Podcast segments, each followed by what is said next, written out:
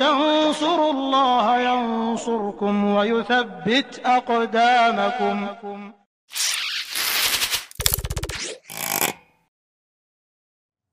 Meniatkan dunia dalam amal-amal kebaikan kita.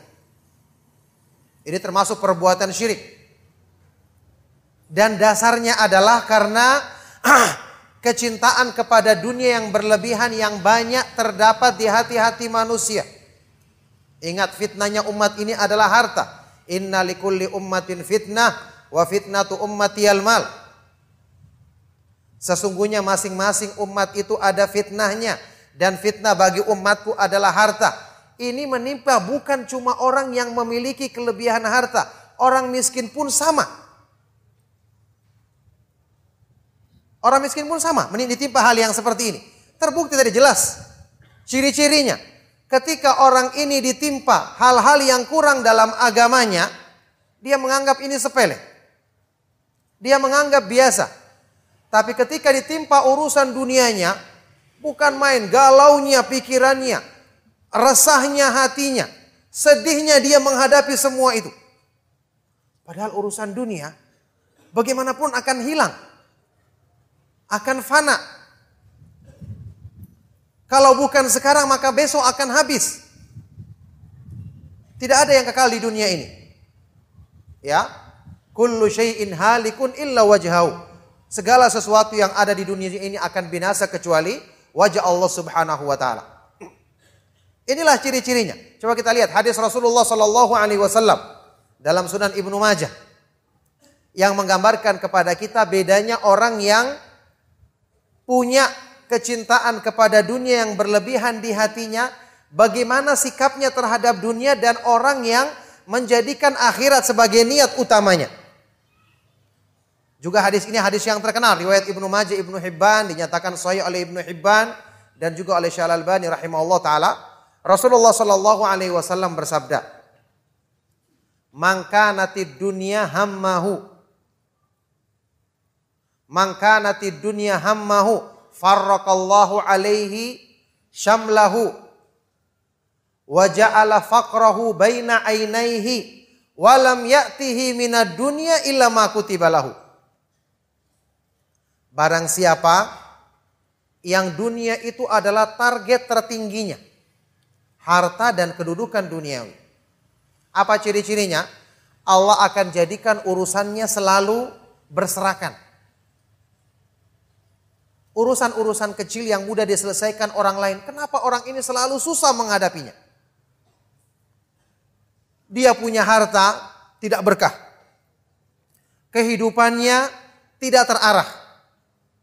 Ya, Allah Subhanahu wa taala mencerai menjadikan urusannya semua bercerai-berai sampai urusan dengan orang-orang yang terdekat dengannya harusnya harmonis, tidak harmonis juga. Dan Allah menjadikan kemiskinan selalu ada di depan matanya. Dia tidak pernah merasakan cukup. Sudah dengan seperti ini, kata Rasulullah SAW, walam ya'tihi minad dunya illa ma kutibalahu. Urusan dunia tidak akan datang kepadanya, ya, rezeki dalam urusan dunia tidak akan datang kepadanya melebihi dari apa yang telah Allah takdirkan. Sudah dia berambisi tidak dapatkan kecuali pembagian yang Allah takdirkan bagi dirinya. Ini benar-benar menderita lahir dan batin orang seperti ini. Tapi orang yang menjadikan niat utamanya adalah akhirat, bagaimana ciri-cirinya? Kata Rasulullah SAW, wa mangkanatil akhiratu niyatahu. Dan barang siapa yang menjadikan akhirat sebagai niatnya, jama'allahu alaihi syamlahu Allah akan menghimpunkan urusannya. Memudahkan urusan-urusannya terselesaikan. ya, wa ja'ala ginahu fi qalbihi dan Allah jadikan kecukupan selalu ada di dalam hatinya. Selama agamanya terjaga dia tidak peduli apa pun yang hilang dari urusan dunianya. Yang terakhir apa? Wa atathu dunya wahiya ragimah dan ketika dunia datang kepadanya, dunia itu dalam keadaan rendah, tidak punya arti. Inilah cirinya orang-orang yang menjadikan akhirat sebagai tujuan utamanya dan dunia tidak mendominasi di hatinya. Jadi ini bisa berlaku bagi orang yang punya harta maupun tidak punya harta. Bukan masalah keberadaan hartanya yang menjadi masalah, tapi bagaimana dia menyikapi hartanya. Orang yang tidak punya harta, tapi angan-angannya selalu kepada harta. Cita-citanya atau pemikiran tertingginya selalu ingin mengumpulkan harta. Ya ini sama saja dengan orang yang seperti tadi. Menderita lahir dan batin. Jadi permasalahannya di sini bukan ada atau tidaknya harta tersebut di tangan kita, tapi bagaimana niat dan cita-cita atau yang paling mendominasi di hati kita, itulah yang akan menjadi ukuran dalam masalah ini. Antum ketahui semua, ya, bahwa manusia itu yang menggerakkan anggota badannya adalah hatinya. Bahkan semua perbuatan manusia penggeraknya adalah keinginan di hati.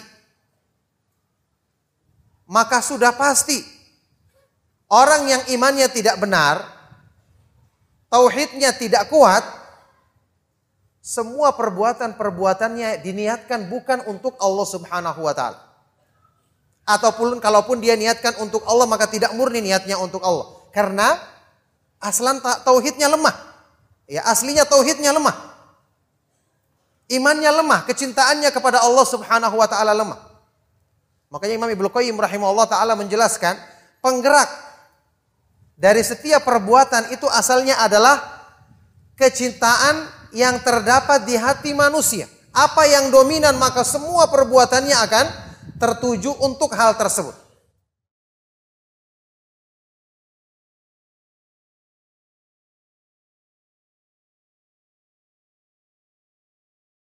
Donasi dakwah Yufid.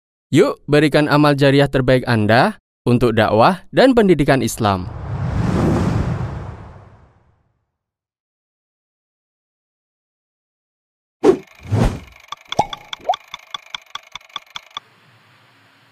Di dalam ayat yang lain surat Taha ayat 124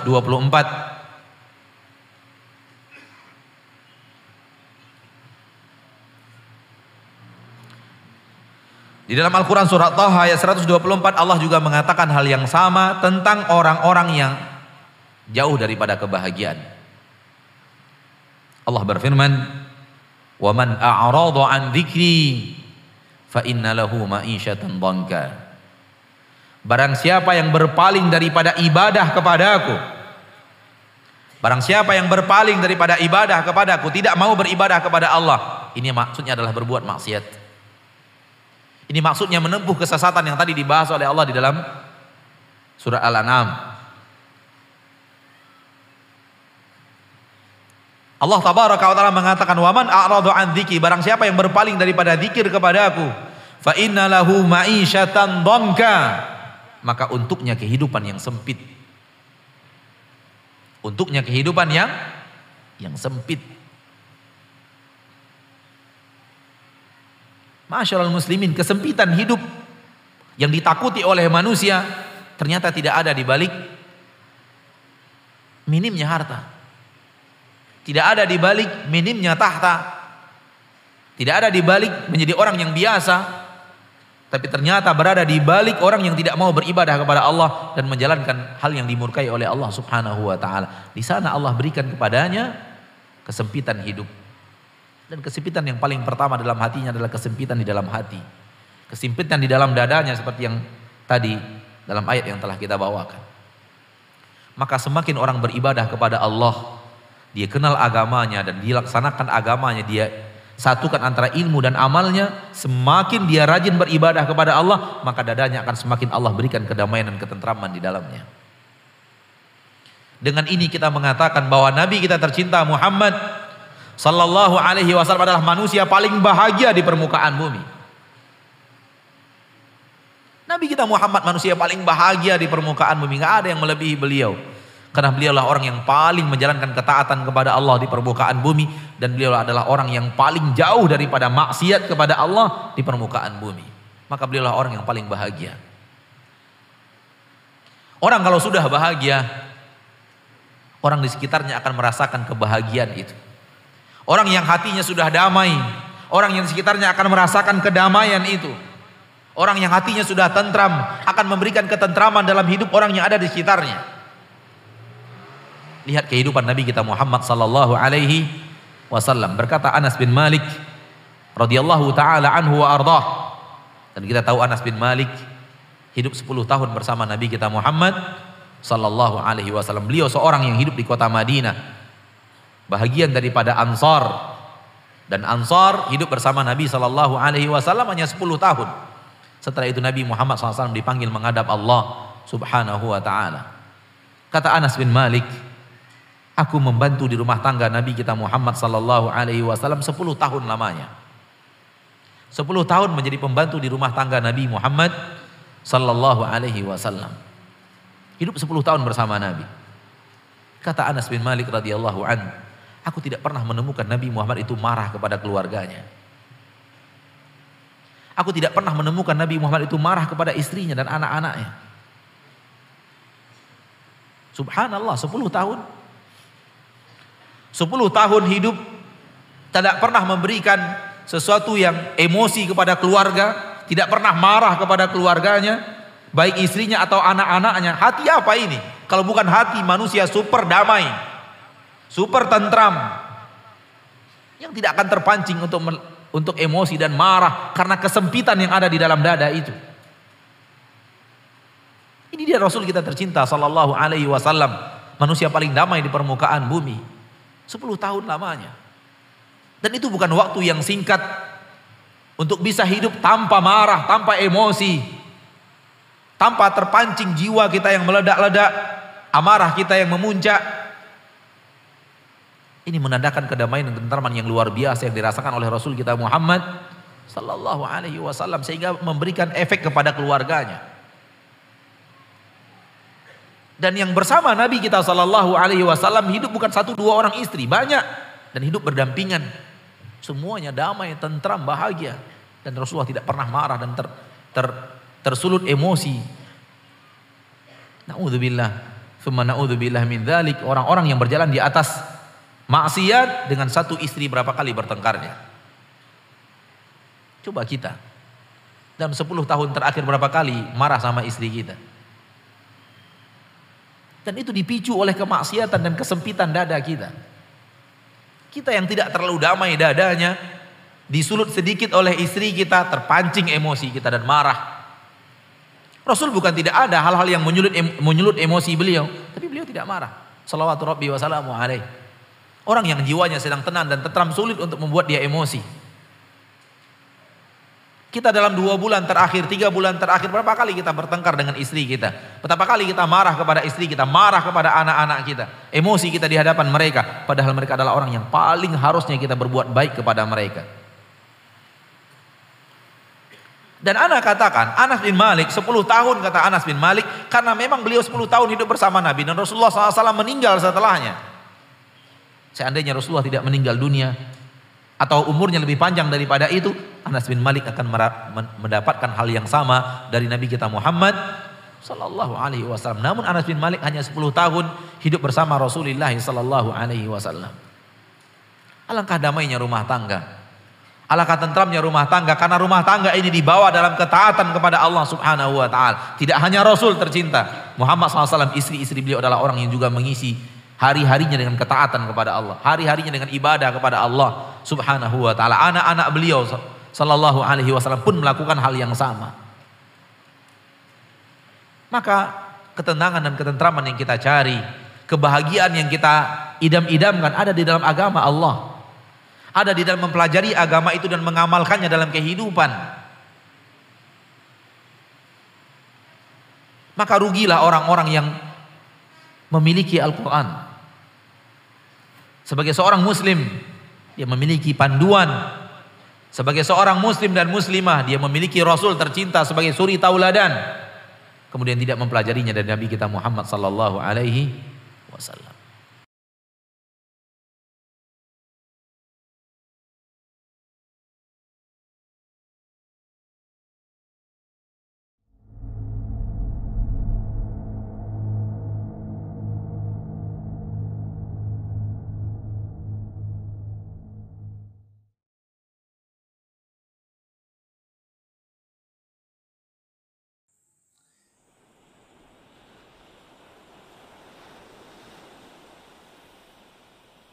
Assalamualaikum warahmatullahi wabarakatuh.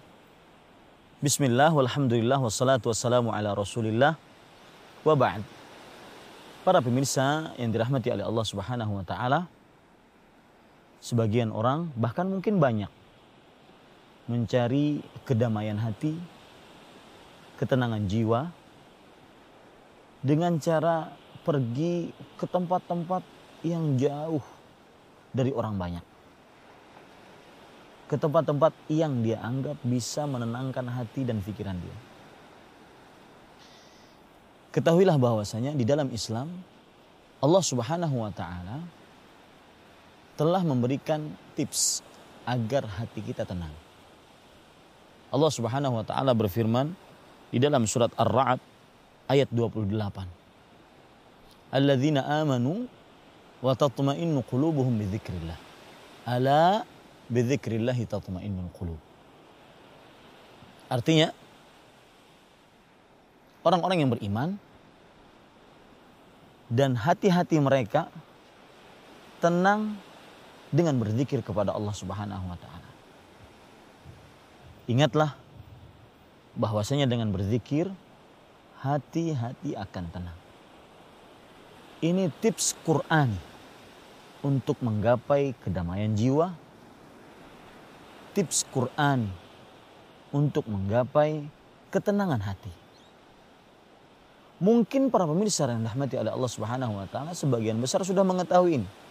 Sering para ustadz mungkin mengetahui membicarakannya. Tetapi tahukah Anda bahwa kok bisa berzikir kepada Allah bisa menenangkan hati, mendamaikan jiwa dengan benar-benar tenang.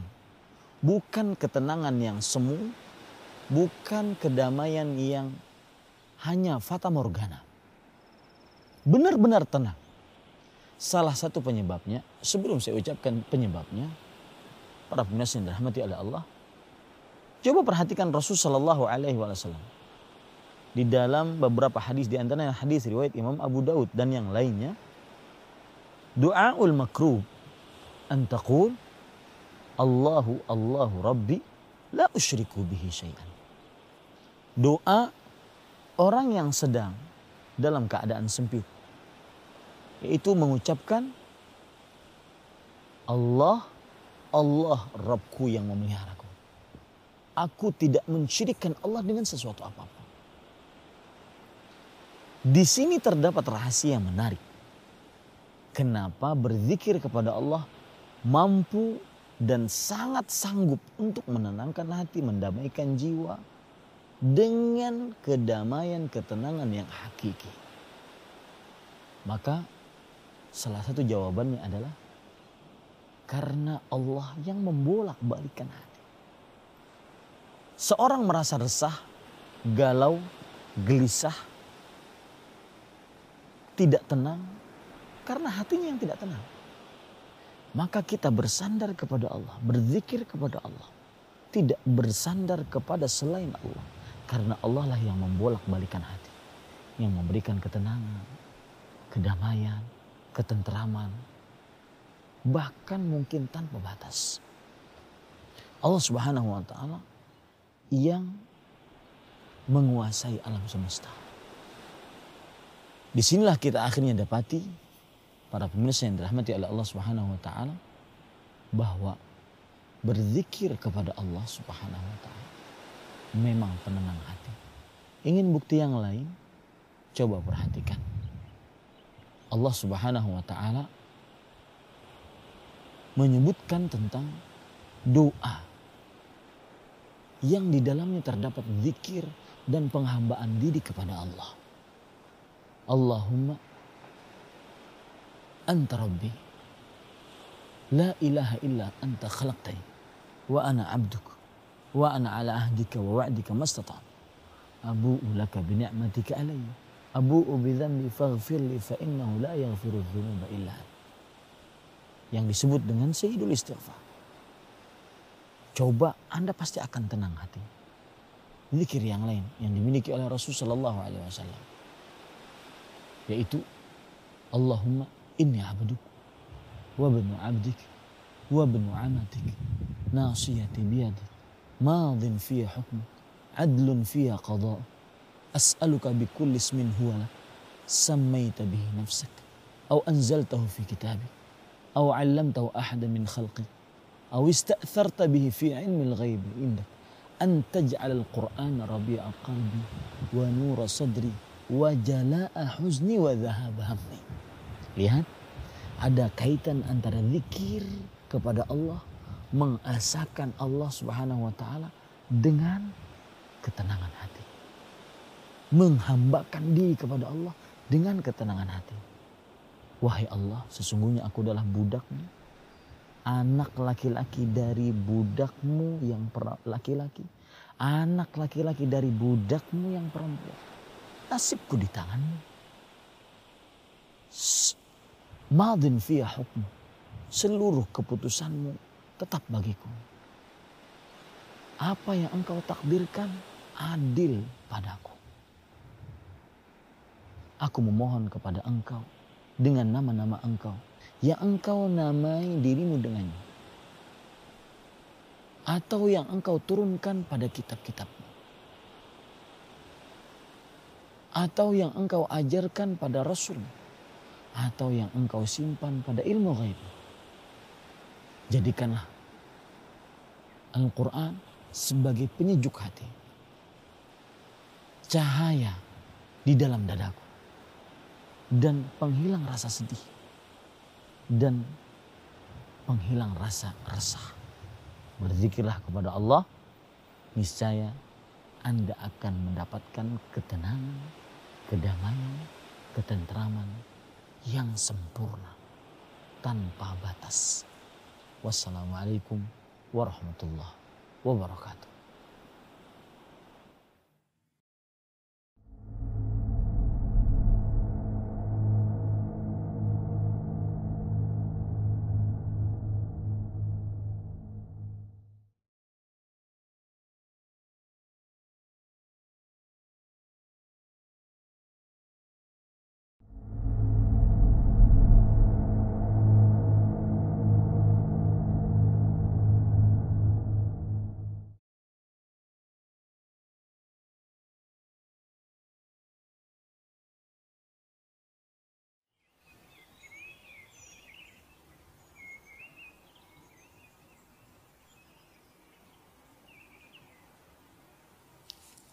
Assalamualaikum warahmatullahi wabarakatuh.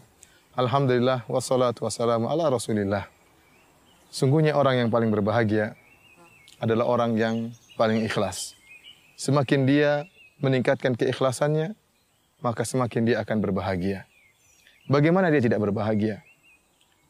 Allah Subhanahu wa taala mengetahui kebaikannya.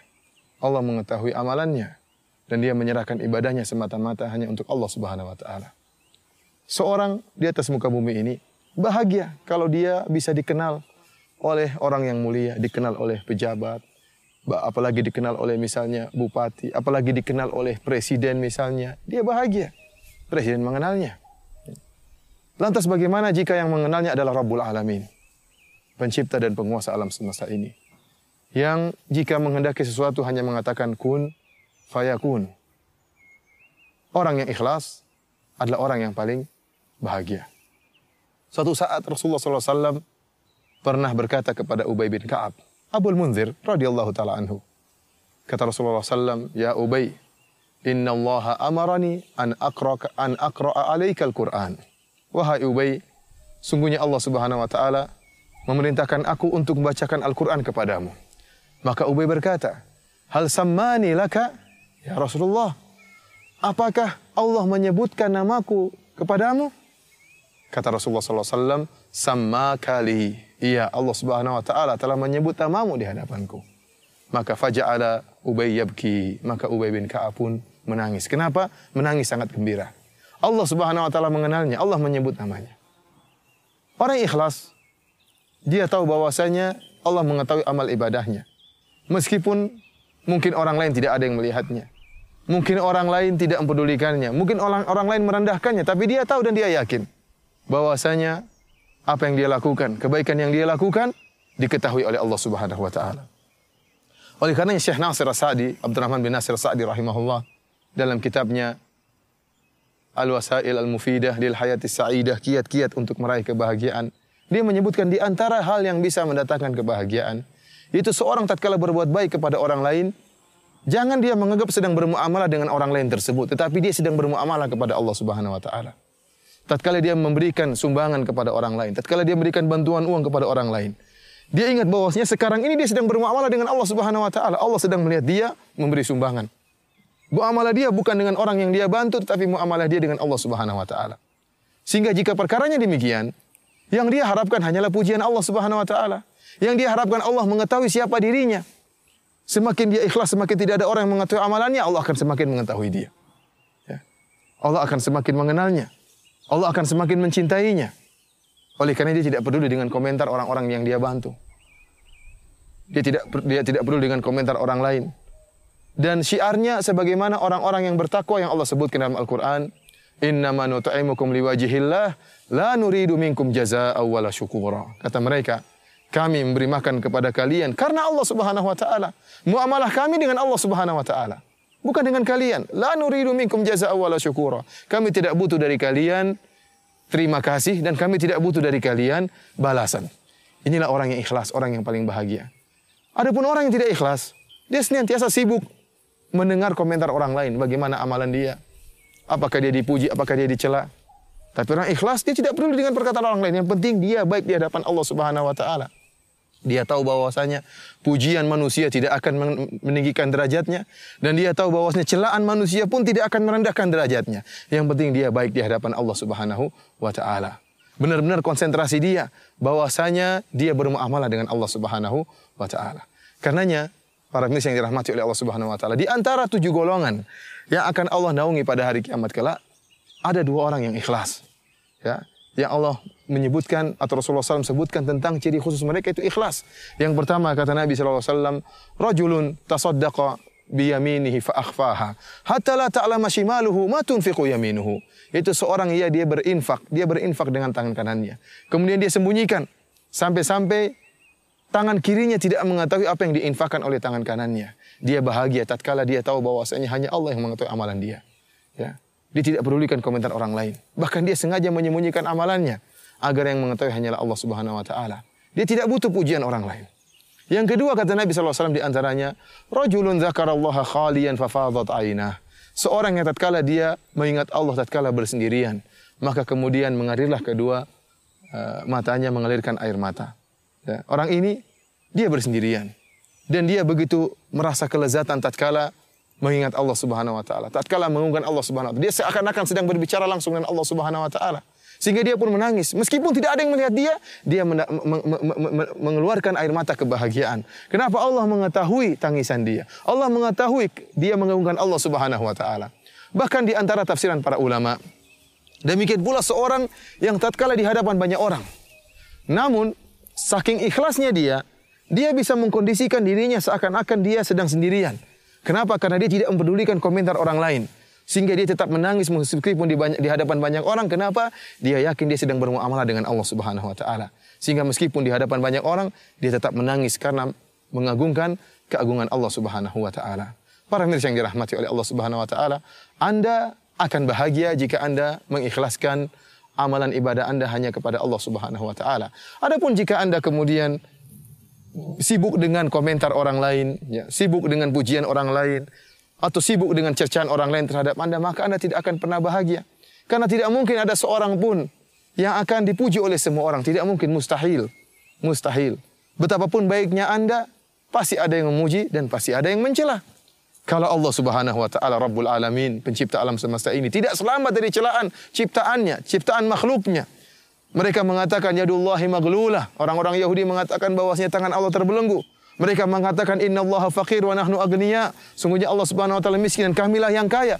Allah Subhanahu wa taala tidak selamat dari cercaan orang lain, cercaan makhluknya. Nabi wasallam yang memiliki akhlak super mulia pun tidak selamat dari cercaan kaumnya.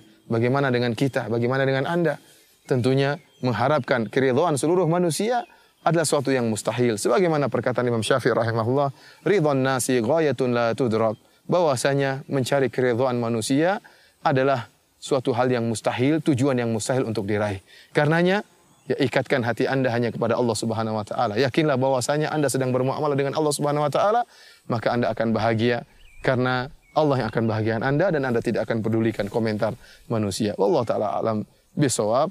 Wassalamualaikum warahmatullahi wabarakatuh.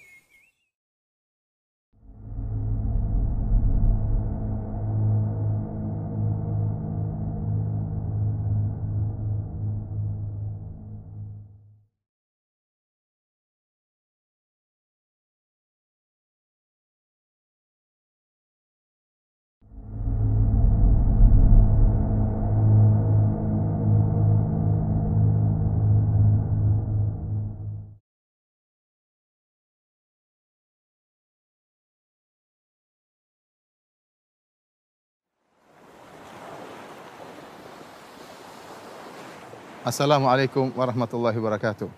Alhamdulillah wassalatu wassalamu ala Rasulillah. Ikhwani rahimakumullah. Saudara-saudaraku yang dirahmati oleh Allah Subhanahu wa taala. Janganlah pernah Anda mengharapkan kesempurnaan di dunia ini. Kenapa?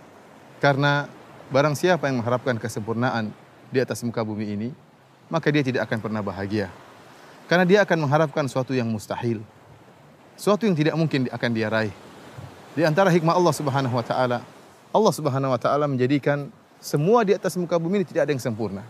Termasuk kenikmatan-kenikmatan yang Allah sediakan bagi hamba-hambanya di atas muka bumi ini tidak ada yang sempurna. Apa saja pasti terkontaminasi dengan hal-hal yang mengurangi kesempurnaan kenikmatan tersebut. Kenikmatan tersebut selain tidak sempurna, kemudian terbatas tidak abadi. Oleh karenanya Allah Subhanahu wa taala berfirman dalam Al-Qur'an, "I'lamu annamal hayatud dunya la'ibu walahu. Ketahuilah kata Allah Subhanahu wa taala bahwasanya kehidupan dunia ini hanyalah permainan dan senda gurau. Kemudian kata Allah Subhanahu wa taala, "Kama thali ghaithin a'jabal kuffara nabatuh, thumma yahiju, fatarahu musfarra, thumma yakunu hutama." Sebagaimana ya, kita lihat tumbuh-tumbuhan hijau yang terkena air hujan, maka nampaklah indah dengan warna hijaunya tersebut yang menjadikan para petani, para penanam menjadi senang memandang warna hijau tersebut. Akan tapi apa hakikatnya? Faya, kemudian apa? Rusaklah tumbuhan tersebut, berubah menjadi warna kuning dan akhirnya kering dan hancurlah tumbuhan-tumbuhan tersebut. Itulah hakikat daripada kenikmatan dunia. Itulah hakikat daripada kenikmatan dunia. Oleh karenanya kalau kita renungkan, segala kenikmatan yang ada di atas muka bumi ini tidak ada yang sempurna. Kita mulai misalnya, contohnya masalah makanan. Kita tahu ada makanan-makanan yang lezat. Ya, seperti kepiting luar biasa lezatnya. Kemudian uh, cumi misalnya atau udang ya. Ternyata makanan-makanan ini Allah ciptakan dengan begitu lezatnya tetapi tidak sempurna. Dia mengandung kolesterol yang tinggi. Tidak sembarang orang boleh makan sebanyak-banyaknya. Contohnya lagi seperti durian. Durian juga makanan yang lezat. Tapi Allah Subhanahu wa taala ciptakan durian tersebut ya dalam uh, suatu buah yang banyak durinya. Sulit untuk mengambilnya dan sulit untuk membukanya. Kemudian tidak mungkin juga kita untuk makan sepuas-puasnya, sekenyang-kenyangnya karena kemampuan ya kesehatan kita bisa terganggu. Kemudian kita contohnya khamar, khamar lezat. Suatu hal yang lezat oleh karenanya banyak orang yang minum khamar. Tetapi kelezatan tersebut terkontaminasi dengan hal-hal yang tidak mengenakan seperti kepala pening, perut sakit ya, dan yang lainnya. Berbeda dengan kenikmatan-kenikmatan yang ada di surga. Oleh karenanya, di antara hikmah Allah Subhanahu wa taala tatkala menjadikan tidak ada yang sempurna di atas muka bumi ini, maka seorang mukmin senantiasa rindu untuk mencari kesempurnaan dan dia tidak akan peroleh kesempurnaan tersebut kecuali di akhirat kelak. Dia akan dapati bagaimana Allah Subhanahu wa taala menyediakan kenikmatan-kenikmatan yang begitu sempurna. Khamar tanpa ada mabuk, tanpa ada pening, tanpa ada sakit. Buah-buahan tanpa ada musim, ukuluh hadaim senantiasa ada. Ya, tidak tidak perlu kita manjat pohon untuk mengambilnya, mudah untuk diraih. Kenikmatan yang sempurna, bidadari yang penuh dengan kesempurnaan. Oleh karenanya, tatkala kita sadar akan hal ini, di antara hikmah Allah Subhanahu wa taala menjadikan kenikmatan di atas muka bumi tidak ada yang sempurna, maka hati kita senantiasa rindu untuk menuju surga Allah Subhanahu wa taala. Karenanya para pemirsa yang dirahmati oleh Allah Subhanahu wa taala, barang siapa yang mengharapkan kesempurnaan di atas muka bumi ini, dia tidak akan pernah bahagia. Lantas bagaimana sikap kita menghadapi kenikmatan-kenikmatan yang sungguh tidak penuh, tidak ada kesempurnaannya ini? Rasulullah Shallallahu Alaihi Wasallam sejak dahulu telah memberikan jalan atau settingan yang baik bagaimana kita bisa menghadapi kenikmatan-kenikmatan yang tidak sempurna tersebut. Di antaranya sabda Nabi Shallallahu Alaihi Wasallam tentang para istri. Kata Nabi Shallallahu Alaihi Wasallam, "La yafruk mu'minun mu'minah, in kariha minha khuluqan radiya minhal akhar." Janganlah seorang suami mukmin membenci istrinya yang mukminah. Jika dia membenci satu perangai, satu akhlak dari istrinya, maka dia akan ridho, dia akan senang dengan perangai istrinya yang lain. Ini luar biasa sabda Nabi Shallallahu Alaihi Wasallam ini. Meskipun berbicara khusus tentang para istri, tetapi ini merupakan kaidah yang umum bahwasanya jika kita membenci salah satu perangai dari istri kita, ingatlah masih ada kebaikan-kebaikannya yang lain. Dan tatkala seorang menyeting pola pikirnya dengan juga tidak melupakan kebaikan-kebaikan istrinya, maka dia tidak akan benci kepada istrinya. Dia tahu bahwasanya tidak ada kenikmatan yang sempurna. Istrinya pun tidak akan pernah sempurna istrinya tidak akan pernah sempurna. Kalau dia mengharapkan istri yang sempurna tidak akan dia peroleh. Oleh karenanya Syekh bin Bas rahimahullah sering ditanya oleh orang tatkala menelpon Syekh bin Bas kemudian mengeluhkan tentang istrinya, maka kata Syekh bin Bas, hurul ain fil jannah. Ya bidadari di surga. Kalau ingin bidadari, ingin istri yang sempurna di surga. Di dunia tidak ada yang sempurna.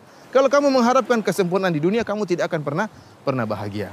Oleh karenanya, seorang yang merenungkan akan hal ini, kemudian mengambil tadi ajaran dari Nabi SAW bahwasanya tidak ada yang sempurna dan harus memandang yang positif, jangan sampai ada sesuatu yang negatif menjadikan seorang melupakan kebaikan-kebaikan yang ada, maka orang ini tidak akan pernah bahagia.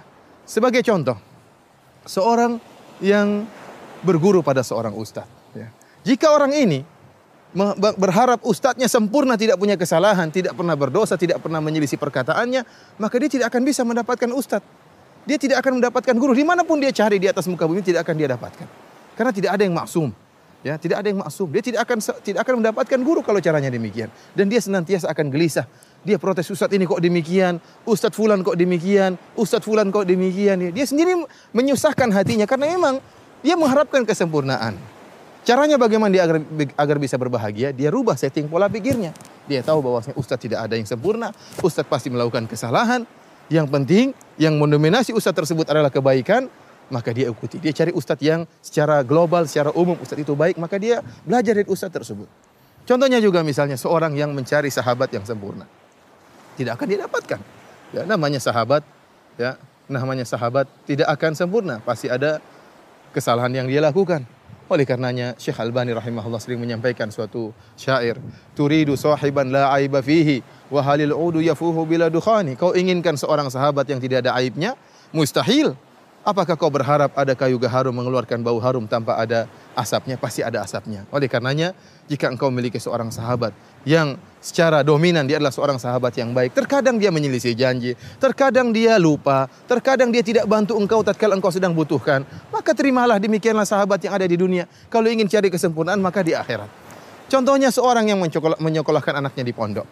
Lantas kemudian dia ingin pondok tersebut bisa menciptakan anaknya menjadi seorang santri yang luar biasa, tidak ada kekurangannya. Atau pondok tersebut servisnya ternyata kurang. Ya, seharusnya dia mengerti bahwasanya tidak ada yang sempurna. Namanya pondok, ya tatkala berusaha untuk memberikan pengajaran kepada anak-anaknya, maka tidak akan akan sempurna. Pasti ada kekurangannya. Di pondok ada kekurangannya. Ada guru yang mungkin kurang bagus, ada pelayanan yang kurang bagus, ya. Ad, atau misalnya ternyata ada muamalah sikap yang kurang bagus terhadap anaknya, atau ternyata ada anak yang nakal mukul anaknya akhirnya dia pun marah-marah. Dia ingat bahwasanya tidak ada pondok yang sempurna. Selama anaknya belajar di situ, kemudian tambah hafalannya, akhlaknya berubah menjadi lebih baik, maka dia terima bahwasanya dia rubah pola pikirnya, memang tidak ada yang yang sempurna. Demikian juga seorang bekerja di kantor misalnya. Jika dia berharap kesempurnaan di kantornya, dia ingin bahwasanya bosnya itu adalah yang perfect, kemudian dia inginkan bahwasanya pekerjaan dia adalah pekerjaan yang sempurna, maka dia tidak akan pernah bisa bahagia. Demikian juga dalam hal dakwah seorang tatkala berdakwah. Dia ingin bahwasanya dakwah dia sempurna, tidak ada kekurangannya, tidak ada lika-liku dalam berdakwah. Dia ingin senantiasa dakwahnya mulus, senantiasa mulus, tidak ada gangguan, maka mustahil akan dia raih. Mustahil akan dia raih. Oleh karenanya, para mirsa yang dirahmati oleh Allah Subhanahu wa taala, sejak sekarang kita rubah settingan pola pikir kita. Jangan pernah kita berharap kesempurnaan. Jangan pernah kita berharap kesempurnaan. Kapan Anda mengharapkan kesempurnaan, maka Anda tidak akan pernah bahagia dan Anda tidak akan pernah puas. Kenapa? Karena Anda mengharapkan suatu kemustahilan. Ingatlah bahwasanya kesempurnaan menanti kita. Di mana kesempurnaan tersebut? Di akhirat kelak. Allah yang menyediakan kesempurnaan. Allah sengaja menjadikan kenikmatan dunia tidak sempurna agar seorang mukmin senantiasa rindu untuk meraih kesempurnaan di akhirat kelak. Wallahu taala alam. Assalamualaikum warahmatullahi wabarakatuh.